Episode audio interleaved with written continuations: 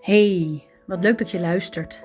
Welkom bij Anders kijken naar gedrag, de podcast. Een plek waar ik je meeneem om stil te staan bij alles rondom het opgroeien van kinderen. Het kijken naar gedrag. Anders leren kijken naar gedrag. Want wat vertelt je kind nou werkelijk echt? Een plek waar zowel ouders als professionals elkaar kunnen ontmoeten. Laat dit de plek zijn om te verbinden, te verdiepen met inspiratie, tips en reflectie. Waar onderwerpen aan bod komen om jouw kind te blijven ondersteunen bij de sociaal-emotionele ontwikkeling, zodat plezier en geluk de drijfveer blijft van de persoonlijke keuzes op weg naar volwassenheid. Ik heb er zin in. Veel luisterplezier. Hey, wat leuk dat je er weer bent. Je kijkt, je luistert. Dat kan op allerlei manieren naar mij. Dat kan omdat ik het opneem op een podcast. Dus je hebt mijn stem in je oren. En je loopt, wandelt, strijkt, rijdt auto wanneer je maar wil. Ehm, je kijkt omdat ik de video's ook op YouTube zet. Op mijn YouTube kanaal. Waar uh, en deze inspiratiesessies te zien zijn. Waar wobbelfilmpjes te zien zijn. En misschien zometeen nog wel kindermeditaties. Fijn dat je er bent. De eerste is opgenomen, is gepubliceerd. Ik heb hulp ingeschakeld om hem ook op andere platforms nog um, openbaar te kunnen maken. Dat is me niet gelukt. Maar de tweede wordt alweer opgenomen. En de tweede wordt opgenomen um, vanuit een vraag die ik kreeg. En ik denk dat die misschien wel voor iedereen relevant is. En dat is de vraag of de opmerking die ik te horen kreeg. hey, waar was jij dan toen ik vroeger klein was. Als ik vertel wat ik doe, als ik vertel dat ik kindercoach ben, dan vertel ik dat ik er ben voor het kind, voor het ouder en kind, het gezin, het systeem eromheen. Um, en dat ik kinderen en of ouders begeleid bij een stukje sociaal-emotionele ontwikkeling. Bij dingen die misschien nu als zorg uh, aanvoelen, waar het schuurt, waar hulp nodig mag zijn. En speciaal voor het kind. Omdat we wel merken als ouders zijnde, ik merk het in ieder geval voor mijn eigen zoon. Ik heb Jip en die is nu zeven jaar. En ik merk dat wanneer hij lekker in zijn vel zit, het bij mij ook heel goed gaat.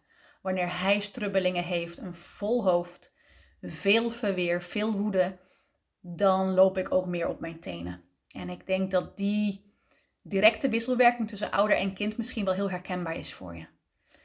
En als ik vertel dat ik er ben voor die sociale emotionele ontwikkeling, dan kan het bij het ene kind gaan omdat het ene kind zich misschien in de klas opstelt als een muurbloempje, als niet willen en durven opvallen om maar goed genoeg te zijn. En misschien komt dat wel doordat je vroeger hebt gehoord in de opvoeding: uh, hè, doe maar normaal, dan ben je gek genoeg, niet zo uitgesproken zijn. Uh, doe maar dat wat de ander ook doet, dat is oké. Misschien ben je wel juist het tegenovergestelde. Um, dat jij degene was met een grote mond, de leiding, altijd erop uit. En dat je heel vaak hebt gehoord: hey, koest, koest, koest, koest, stil, stil. Kinderen komen met heel veel verschillende soorten hulpvragen. Soms kan het zelfs fysiek zijn. Moeite met bijvoorbeeld poepen, buikpijn, wat eigenlijk een heel ander soort oorzaak heeft dan vaak deze fysieke klachten die er zijn. Maar veel zie je kinderen moeite hebben met emotie, emotieregulering. Um, falen, timide zijn. En ouders die daarbij inderdaad de hulp wensen te krijgen om te weten hoe ze hun kind juist op de juiste manier kunnen begeleiden. Hoe naast hun kinderen te blijven lopen en niet als ouder over hen te beslissen. En toen ik deze vraag kreeg van desbetreffende jongen, die stelde me: Hey, waar was jij toen ik vroeger klein was? Merkte ik op dat ik ook weer terugging in de periode dat ik de opleidingen deed. Ik, heb, uh, ik ben begonnen um, toen ik wist dat ik hier verder in wilde. Want ik heb al een hele reeks achtergrond inderdaad hier al wel verweven in zitten. Maar toen ik de kindercoachingsopleiding ben gaan doen. Ik heb een jaar gestudeerd bij de magie van kindercoaching. Een introductiejaar rondom en kind en ontwikkeling en coaching. En vooral een stuk persoonlijk bewustzijn in wie je dan zou kunnen zijn als coach. Maar ook in de verdieping die ik daarna heb gevolgd, de specialisatie tot meisjescoach, ehm, is me deze vraag ook wel vaker gesteld. Goh, voor wie ben jij er dan? En als je nog maar één iemand zou willen en kunnen helpen, wie is het dan? En ik wil graag ehm, mijn woorden met je delen die ik heb opgeschreven tijdens de specialisatie voor meisjescoaching. En die vraag is dus aan mij gesteld. Goh, welk meisje zou jij willen helpen als er nog maar één meisje was? En ik heb mijn eigen verhaal opgeschreven. Ik ga met je delen. Ik vind het spannend. Ehm, en ik deel het met je. En daarna zal ik er wat dieper op ingaan om ehm, met je te vertellen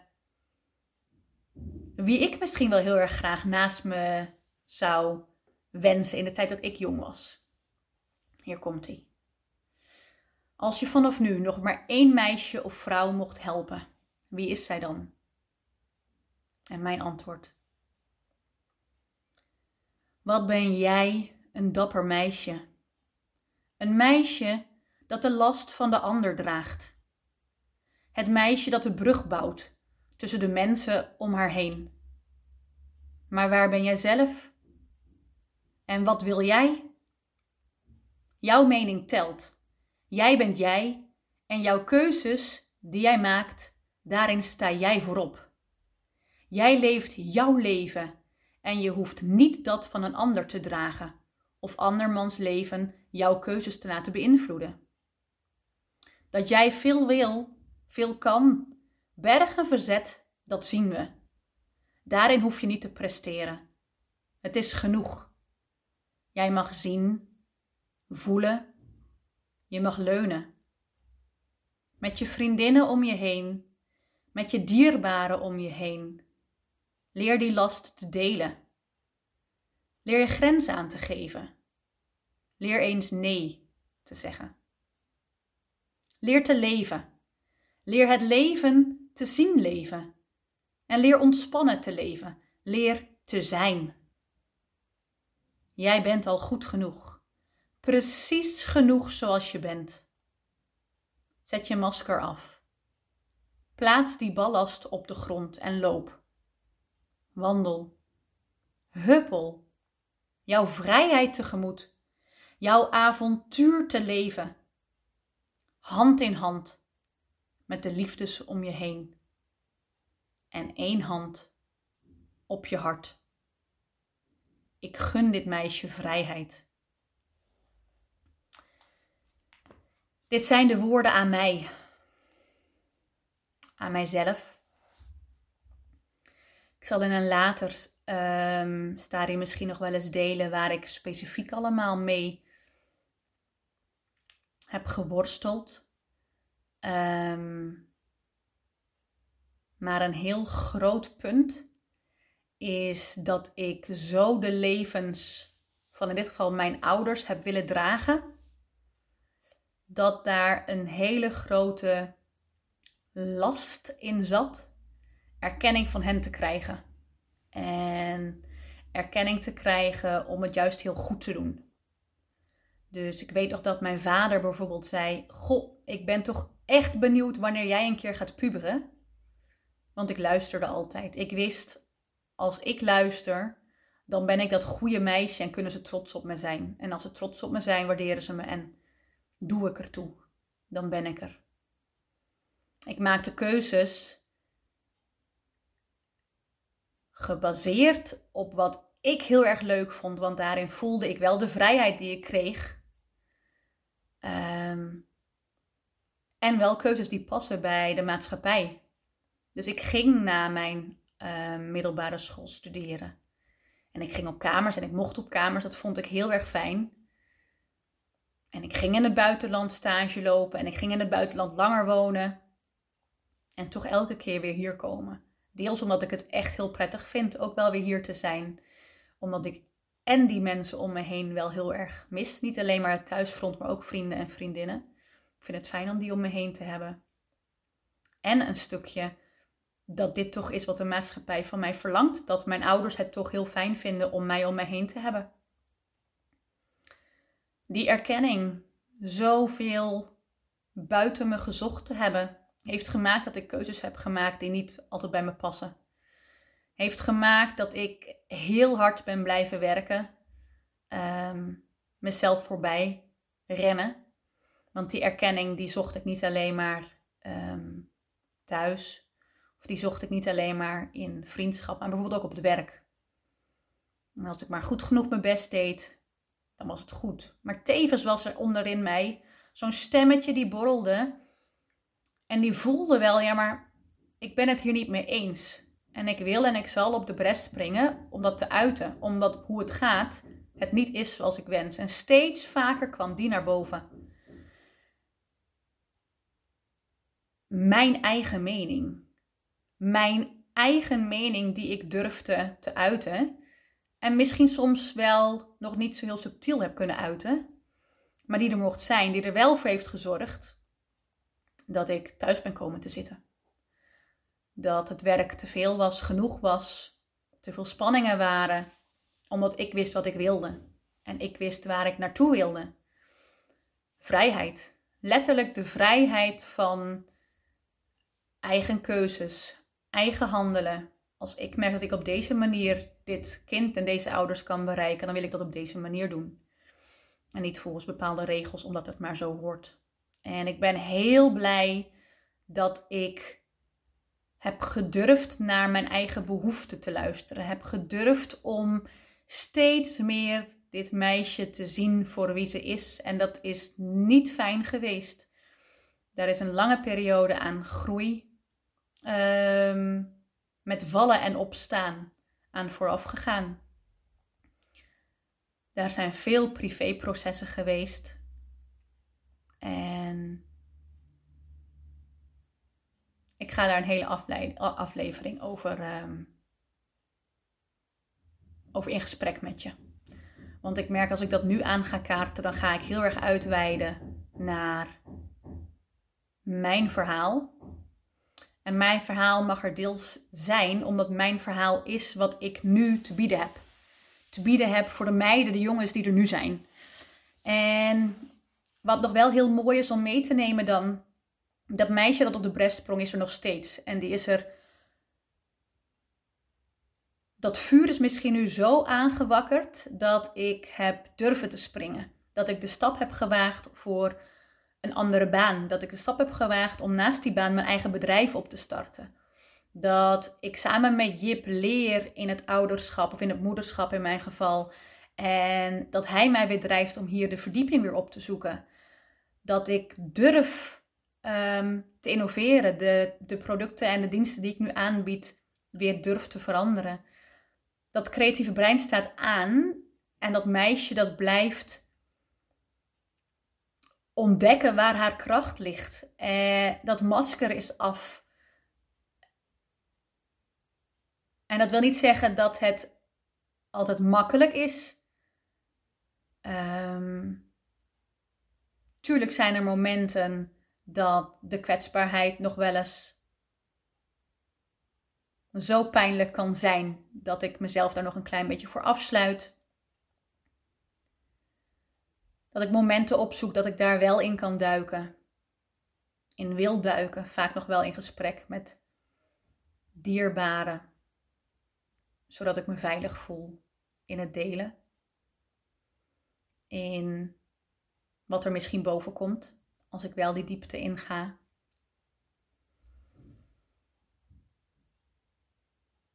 Ik ben trots op dat meisje. Dat meisje heeft heel veel gedragen. Dat meisje leert terug te geven. En ik doorzie die patronen. En ik wens dat de ouders en kinderen toe. Dat de kinderen niet de weg hoeven af te leggen die wij nog hebben afgelegd. Dat ze bij hun gevoel kunnen blijven, de kinderen. Dat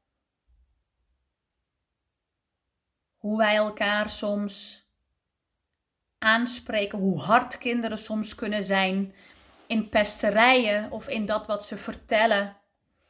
Um, dat we ten alle tijden blijven weten wat je eigen waarde is, waar je eigen talenten liggen, wat jouw kwaliteiten zijn. En dat woorden minder raken, omdat die woorden iets zegt over de ander. En niet altijd wat over jou. En dat is moeilijk nog aan een kind uit te leggen. En we mogen het uitleggen. Want hoe jonger al wel het stukje persoonlijk bewustzijn geïntroduceerd wordt, waar een kind mee omgaat, hoe natuurlijker het is wel onszelf en ook onze kinderen daarin mee te nemen. En wat zou ik het fijn vinden om jou